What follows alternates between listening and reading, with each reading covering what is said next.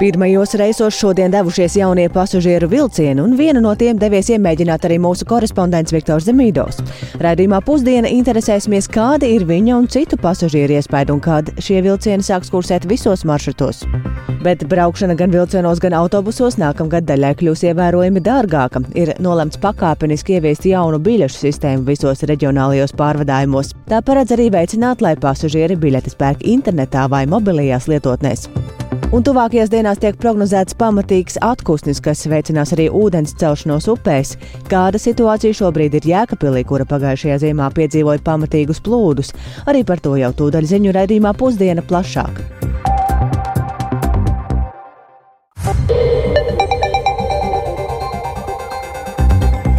Pulkstenis ir 12,5 minūtes, skan 15. decembra ziņu raidījums pusdiena, skaidrojot šodien būtisko studijā Dāce Pēkšēna. Esiet sveicināti!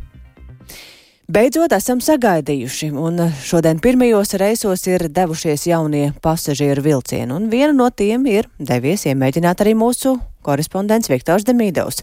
Jau tūdaļ noskaidrosim, kādi ir viņu un citu pasažieru pirmie iespaidi. Sveiks, Viktor! Saki, kur tu šobrīd atrodies un nu, kāda tad ir tā sajūta braucot jaunajā vilcienā, kas ir citādāk? Jā, sveiki, Dārts! Sveicināti Latvijas radio klausītāji! Un eh, pirmais eh, jaunais dzeltam palākais elektrovilciens, kuru iedzīvotāji gaidīja gadiem ilgi, šodien beidzot sāka kursēt. Un tagad pasažieriem pilnais vilciens brauc no dubultiem atpakaļ uz Rīgu. Un eh, nu pat, nu pat es pabraucu garām uh, Priedaines uh, pieturai. Un, ja runājam par sajūtām vagonā, tad šeit ir silti, omulīgi un salīdzinot ar vecajiem elektrovilcieniem ir vēlme arī arī novilkt silto jaku. Attiecīgi var secināt, ka klimata kontrole darbojas. Zem sēdekļiem pasažieriem ir pieejama kontaktligzda, ir arī elkoņturi, elkoņturi nu, kur var arī ērti tātad iesaisties uh, krēslā un, un, un uh, atslābināties, teiksim tā. Un arī katrā vagonā ir ekrāni, kur var redzēt uh, pieturas, kurās uh, piesas vilciens. Uh, ja par pašu braukšanu runāt, runāt, tad uh, vilciens brauc klusi, līgani, salīdzinot ar vecajiem, vienmērīgi pātrinās un arī bremzē. Savukārt iekāpšana ir krietni ērtāk. Uzbūvēts modernais perons. Nu, Jā, Viktor, izklausās, ka šajā brīdī mēs eh, tevi vairs tik labi nedzirdam no jaunajiem vilcieniem. Mēģināsim ar tevi tūdaļ arī sazināties. Tātad atgādināšu, ka šodien ir sākuši kursēt pirmie jaunie elektrovilcieni un šodien tie dodas Tukuma, aizkraukles un skultas virzienā. Tas ir ilgi gaidīts notikums Latvijā, ņemot vērā, cik daudz reižu tas ir atlikts. Un uh, šobrīd um, esam sazinājušies ar uh, Viktoru Demīdovu vēlreiz. Sveiks, Viktor, vai tu šobrīd dzirdi? Tātad tu šķiet sāki stāstīt par to, kāda ir iekāpšana vilcienām. Izstāsti. Jā, šeit uh, brauc garām tagad uh, mežiem, tāpēc iespējams sakari arī pārtrūkst, bet uh, iekāpšana tā tad ir krietni ērtāka nekā vecajos vilcienos, attiecīgi uh, stacijās, kurās ir izbūvēts modernais augstais perons, tad attiecīgi tā iekāpšana ir vienā līmenī, bet kuri vēl joprojām perons nav modernizēts, tur pasažieriem jāpakāpjas tikai par vienu pakāpienu. Un es arī aprunājos ar uh, Uh, pasažieriem, kuri brauc uh, gan uz dubultiem, gan tagad atpakaļ uz Rīgu. Viņi saka, ka nu, ir krietni ērtāk iekāpšana. Te arī brauc uh, jauni vecāki ar, ar bērnu ratiņos. Un, uh, saka, nu, tas, tas, tas bija uh, vispār fantastiski. Gan uh, tā iekāpšana, gan uh, ļoti kluss un mierīgi pats pats vilciens brauc. Tā ka arī vecākiem cilvēkiem, vecāki cilvēki to pašu arī atbild, ka nu, nevar salīdzināt, kā tas bija arī salīdzinot ar veco vilcienu. Viktor, šodien atsevišķi maršruti, bet kad jaunie vilcieni sāks kustēt visos maršrutos? Jā, šodien kopumā es, trīs sastāvi sāks braukt skultes, aizkrauklas un tukuma uh, līnijā.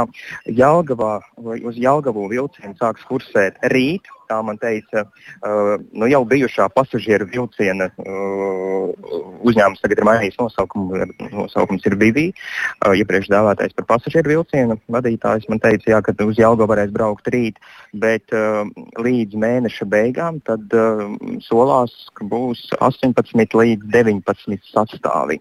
Un tad attiecīgi pārējie līdz uh, plānotie būs līdz nākamā gada vidum. Un kopā, kopumā Latvijā ir plānoti 32 sastāvi.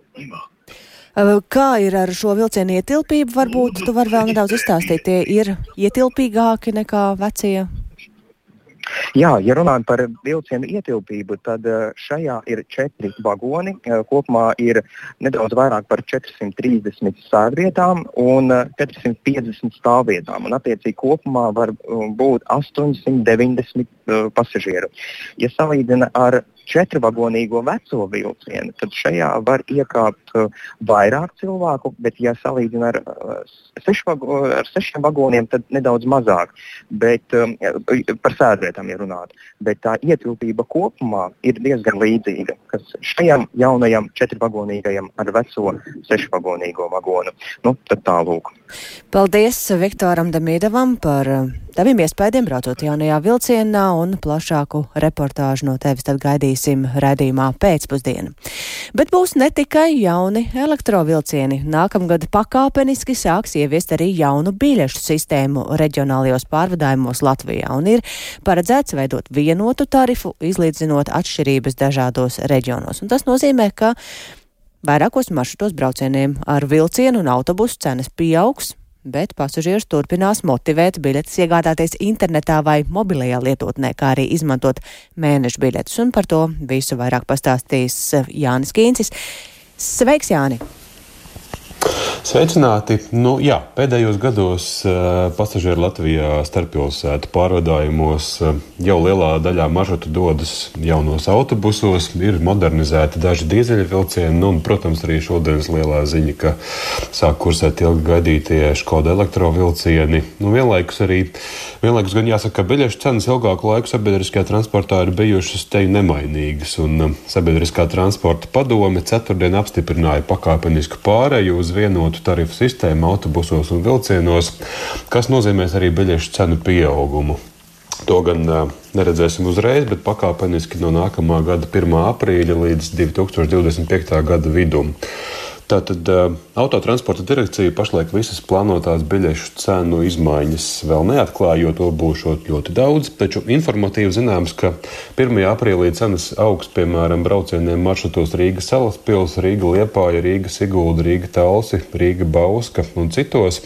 Un, uh, ilustratīvam piemēram viena brauciena cena ar vilcienu no Rīgas līdz Salaspilī pieaugs no eiro 10 līdz 2 eiro un no Rīgas līdz Liepājai vilcienā no 7,40 eiro līdz 8,90 eiro. Bet autobusā no 8,65 līdz 10,40 eiro. Un biļešu cena, cenu gaidāmo kāpumu uh, paskaidro autotransporta direkcijas sabiedriskā transporta plānošanas nodaļas vadītājs Jānis Lagsdons ar katru gadu sabiedriskā transporta izmaksu apjoms pieaug. Un, protams, ka tam ir iemesls gan inflācija, gan energoresursu pieaugums, gan darba spēka izmaksas, bet ieņēmuma daļa ir palikusi nemainīga jau daudzus gadus. Mēs arī strādājam pie tā, lai uzlabotu pakalpojumu kvalitāti. Un mūsu doma un mērķis ir um, palielinot kvalitāti, arī piesaistīt papildus pasažierus. Un, protams, arī biļešu sistēma ir viens no variantiem, kā palielināt šo ieņēmumu sadaļu, lai varētu nodrošināt augstāku kvalitāti pasažieriem. Un plānot ir arī dažādi jauninājumi pasažieru vērtībām. Pašlaik gan vēl bez konkrēta datuma, minot nākamā gada vidu, ir iecerēts ieviest jaunu biļeti vilciens plus. Ar to bez papildu maksas varēs doties īsos braucienos ar autobusu uz vai no vilciena pieturas punkta. Pašlaik par šīs e, biļetes ieviešanu turpinās pārunas ar autobusu pārvadātājiem stāsta Laksdons. Un tāpat autotransporta direkcija cer, ka nākamgad e, vasaras vidū apritē būs jau iespējami daudz jauno Škoda elektrovilcienu Tātad, kā jau dzirdējām, šogad līdz gada beigām Latvijā varētu braucienos doties jau 19 vilcieni, bet kopumā ir sagaidāmi 32 jaunie elektrovilcienu sastāvi, un tas ļaus palielināt reisu skaitu maršrutos no galvaspilsētas virzienā uz aizkraukli, tukumu, Jelgavu, Kulti. Tad arī varēs ieviest uh, iepriekš jau solīto intervālu grafiku ar krietni biežāku kustību. Un, uh, Regulāro sabiedriskā transporta uh, lietotājs mudinās izmantot mēneša biļetes, uh, kas vilcienos būs vēl izdevīgākas, un mazāk maksās arī elektroniski iegādātās biļetes mobilajās lietotnēs un internetā. Bet vienlaikus par vienu eiro vairāk būs jāmaksā pērkot biļeti pie autobusa vadītāja un vilcienā pie konduktora. Taču jāpaskaidro, ka šī piemaksa pērkot biļeti transporta līdzeklī neatieksies uz pasažieriem, kuri iekāps pieturvietā bez biļešu kases vai, arī, vai arī kur tā nedarbojas. Par to turpina autotransporta direkcijas pārstāvis Jānis Laksdons. Vilcienu gadījumā nekas jauns netiek plānots. Tā ir jau līdzinājā sistēma, ka pie konduktora maksā dārgāk, ja vien pasažierim ir iespēja iegādāties biļeti biļešu kasē. Jaunums būs attiecībā uz autobusu satiksmi, kuru pēc līdzības ar vilcienu arī tiek plānots noteikt piemaksu iegādājoties biļeti pie autobusu vadītāja, ja pasažierim ir iespēja to biļeti iegādāties arī lētāk autobusu kasē. Tik tālu īsumā par svarīgākajām gaidāmajām izmaiņām reģionālajo pārvadājumu izmaksās un biļešu sistēmā, bet eh, par to arī vēl noskaidrošu arī nozares pārstāvi domas. Dace. Paldies Jānim Kīncim par to tātad vairāk raidījumā pēcpusdienā, bet turpinot par mūsu drošību. Kanāda dubultos Latvijā izvietoto karavīru skaitu tā šodien Rīgā paziņoja Kanādas aizsardzības ministrs Bils Blērs, tiekoties ar aizsardzības ministru Andris Prūdu no progresīvajiem. Blērs solīja arī citus konkrētus darbus, turpinot stiprināt un paplašināt militāro klātbūtni Latvijā, un abu ministru sarunām šodien sekoja līdzi kolēģis Uldis Tiesberis. Sveiks, Uldi, un eh, saka, kāda vēl paziņojuma izskanēja pēc eh, amatpersonu tikšanās un kādas lietas tika izceltas. Jā, labdien! Eh, gan Latvijas aizsardzības ministrs Andris Sprūds, gan arī Kanādas aizsardzības ministrs Bils Blērs uzsvēra, ka ir būtiski turpināt rietumvalstu atbalstu Ukrainai karā pret agresoru valsti Krieviju, jo Ukraiņi cīnās, cīnās arī par mūsu vērtībām un mūsu brīvību. Bet ir svarīgi sniegt ne tikai tiešu atbalstu Ukrainai, bet arī ieguldīt NATO kopējās aizsardzības stiprināšanā, jo īpaši alianses austrumu flangā, kur atrodamies arī mēs Latvija. Un uh, Latvijā kopš 2017. gada ir izvietota viena no NATO paplašinātās klātbūtnes kaujas grupām, kuras ietver valsts, jeb šo mm, grupu, par šo grupu atbildīgā valsts ir Kanāda. Un šīs kaujas grupas, eh, kas ir izvietota militārajā bāzē Ādažos, sastāvā pašlaik ir aptuveni 1700 karavīru no Latvijas, Kanādas un vēl desmit valstīm. Un ar visvairāk karavīriem aptuveni 1000 ir pārstāvēta Kanāda. Nu, un Kanāda ir apņēmusies līdz 2026. gadam savu eh, militāro kontingentu Latvijā eh, palielināt līdz 2200 karavīriem. Un ministrs Blērs šodien Rīgā izziņoja vēl vairākus eh, pasākumus, kura, eh, kurus Kanāda veiks tuvākajos gados, lai eh, spēcinātu savu militāro klātbūtni Latvijā. Un tad varam arī paklausīties fragment no viņa teiktā. First, starting next summer, we will deploy four Griffin helicopters to the EFP battle group in Latvia. Pirmkārt, sākot ar nākamā gada vasaru, mēs nosūtīsim uz Latviju četrus helikopterus Griffon, bet sākot ar 2025. gada rudeni, periodiski nosūtīsim arī transporta helikopterus Šinoks. Šie lidaparāti pastiprinās mūsu militārās spējas NATO austrumu flangā. Šodien arī varu paziņot, ka Kanāda ir noslēgusi 32 miljonus ASV dolāru vērtu līgumu lēmumu par pārnēsājumu pretanku raķešu sistēmu iegādi mūsu spēkiem Latvijā. Šie modernie pretanku ieroči ļaus mūsu karavīriem labāk stāties pretī pretinieku tanku radītajiem draudiem, tādējādi stiprinot NATO atturēšanas spējas un aizsargājot mūsu cilvēkus. Pirmie ieroči ieradīsies Latvijā līdz 2024. gada vidum. by mid 2024. Jā, un Blērs arī sacīja, ka Kanāda ieguldīs vēl 15 miljonus uh, Kanādas dolāru, jeb 10,2 uh, miljonus eiro, uh, lai izveidotu infrastruktūru, kas būs nepieciešama, lai paplašinātās klātbūtnes kaujas grupu palielinātu no bataljona līdz brigādes līmenim. Un no tiem 2,3 miljonus dolāru atvēlēs, lai izveidotu mm, tādas kā novietnes, jeb, vai var teikt, garāžas šiem 15 tankiem Leopard 2, ko Kanāda šogad jau novembrī piegādāja Latvijai. 3,1 miljonu dolāru investēs, lai uzlabotu karavīru dzīves apstākļus ādažu bāzē, bet vēl 4 miljonus dolāru ieguldīs militārā poligona izveidē, izveidējas Sēlijā.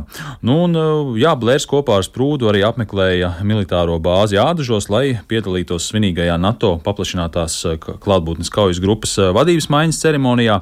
Un kaujas grupas komandiera amatā stāsies pulkveža leitnants Jonatans Koks, nomainot līdzšinējo komandieri pulkveža leitnantu Deniju Vincentu un tādējādi arī noslēdzot 13. 13. Latvijā izvietotās kaujas grupas karavīru rotāciju. Un Blēram ir paredzēta aptuveni vienos arī tikšanās ar valsts prezidentu Edgars Rinkēviču, bet uh, Vizītes noslēgumā viņš arī apmeklēs NATO strateģiskās komunikācijas un izcilības centru, kā arī informācijas uh, tehnoloģiju drošības incidentu novēršanas institūciju CERTLV, tā kā ļoti plaša programma. Paldies Uldim Česberim, kurš stāstīja par to, ka Kanāda tātad palielinās savu militāro klātbūtni Latvijā, bet mūsu drošību ļoti tiešā veidā ietekmē arī notiekošais Ukrainā. Eiropas Savienības līderi Briselē ir pieņēmuši vēsturisku lēmumu sākt iestāšanās sarunas ar Ukrainu un Moldovu. Komentējot šo notikumu, ārpolitikas institūta direktors Kārlis Bukovskis šorīt kolēģim Laurim Zvēniekam raidījumā labrīt uzsvēra, ka šis lēmums pat laban ir būtiskāks gan pašiem Ukraiņiem, gan Eiropai nekā šajā pašā samitā Briselē šonakt pagaidām vēl nepanāktā vienotība par finansiālo atbalstu Ukrainai. To ir bloķējis Ungārijas premjers Viktors Orbāns, kurš šorīt jau nav kavējies norādīt arī prasības Eiropas Savienībai, kuras izpildot viņš tad varētu mainīt savu nostāju. Un, kā norādīja Bukovskis, tad Ukraiņiem naudas vēl pietiekot vairākām nedēļām, kuru laikā noteikti tikšot rasts risinājums, kā tomēr panākt arī Ungārijas atbalstu 50 miljārdu eiro piešķiršanai Ukrainai.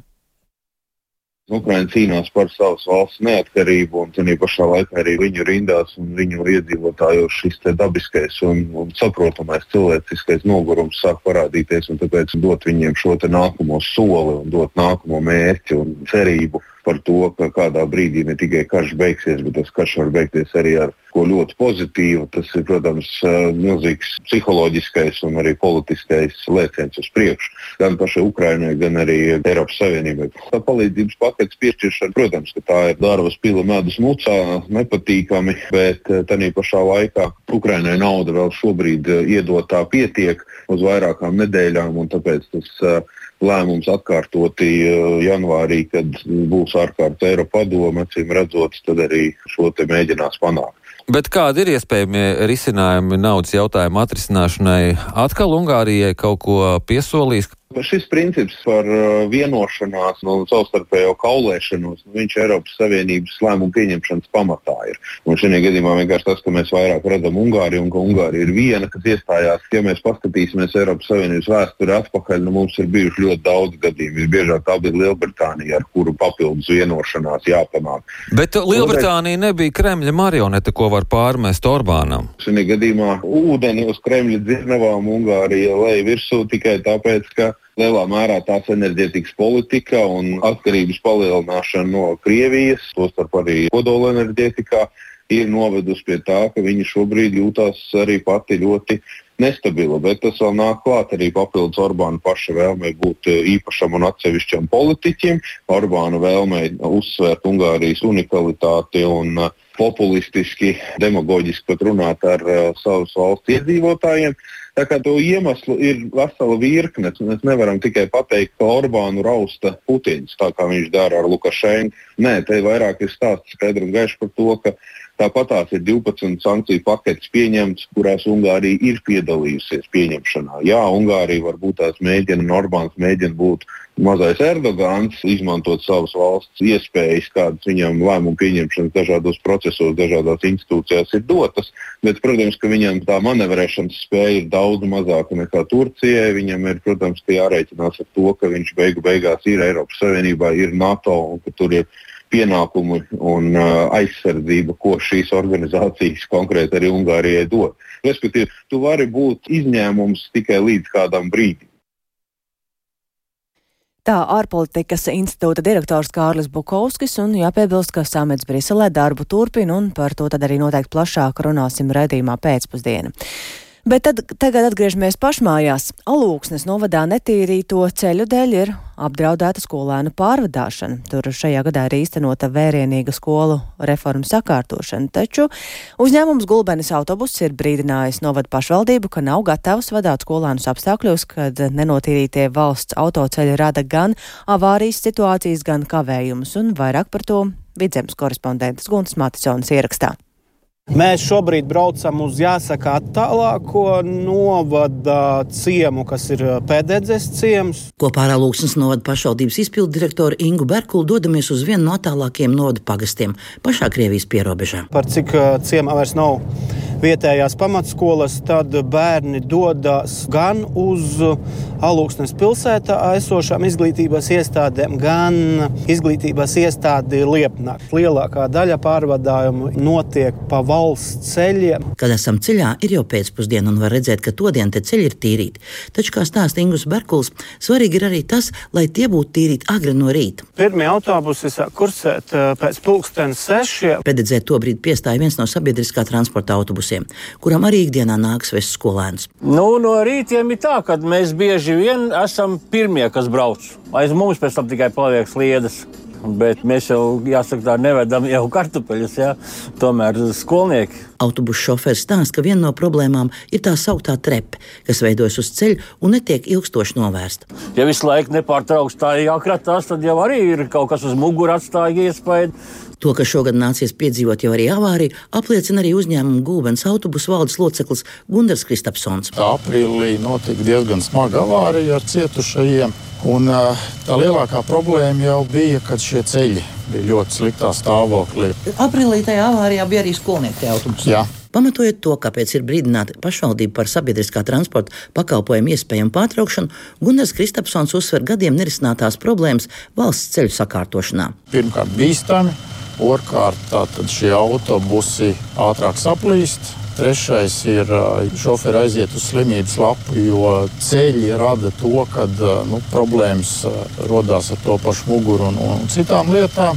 Gala rezultātā ienāk tas brīdis, kad gan autobusi nav, gan, gan šoferi nav. Galvenā problēma ir tā, ka lielākajai daļai valsts autoceļu, pa kuriem novadā kursē skolēnu pārvadājumu transports, ir zemāka ikdienas uzturēšanas klase. Pašvaldības domas priekšsēdētājs Dzintars Adlers, kurš pārstāv jauno vienotību, uzskata, ka viens no risinājumiem būtu šīs klases mainīt. Jo uzturētājs vadās no šīm klasēm un ministra kabineta noteikumiem. Savā ziņā Lūks Nots nu ir nokļuvis ķilnieku lomā, jo ir pildījis valsts noteikto virzību skolu tīkla sakārtošanai.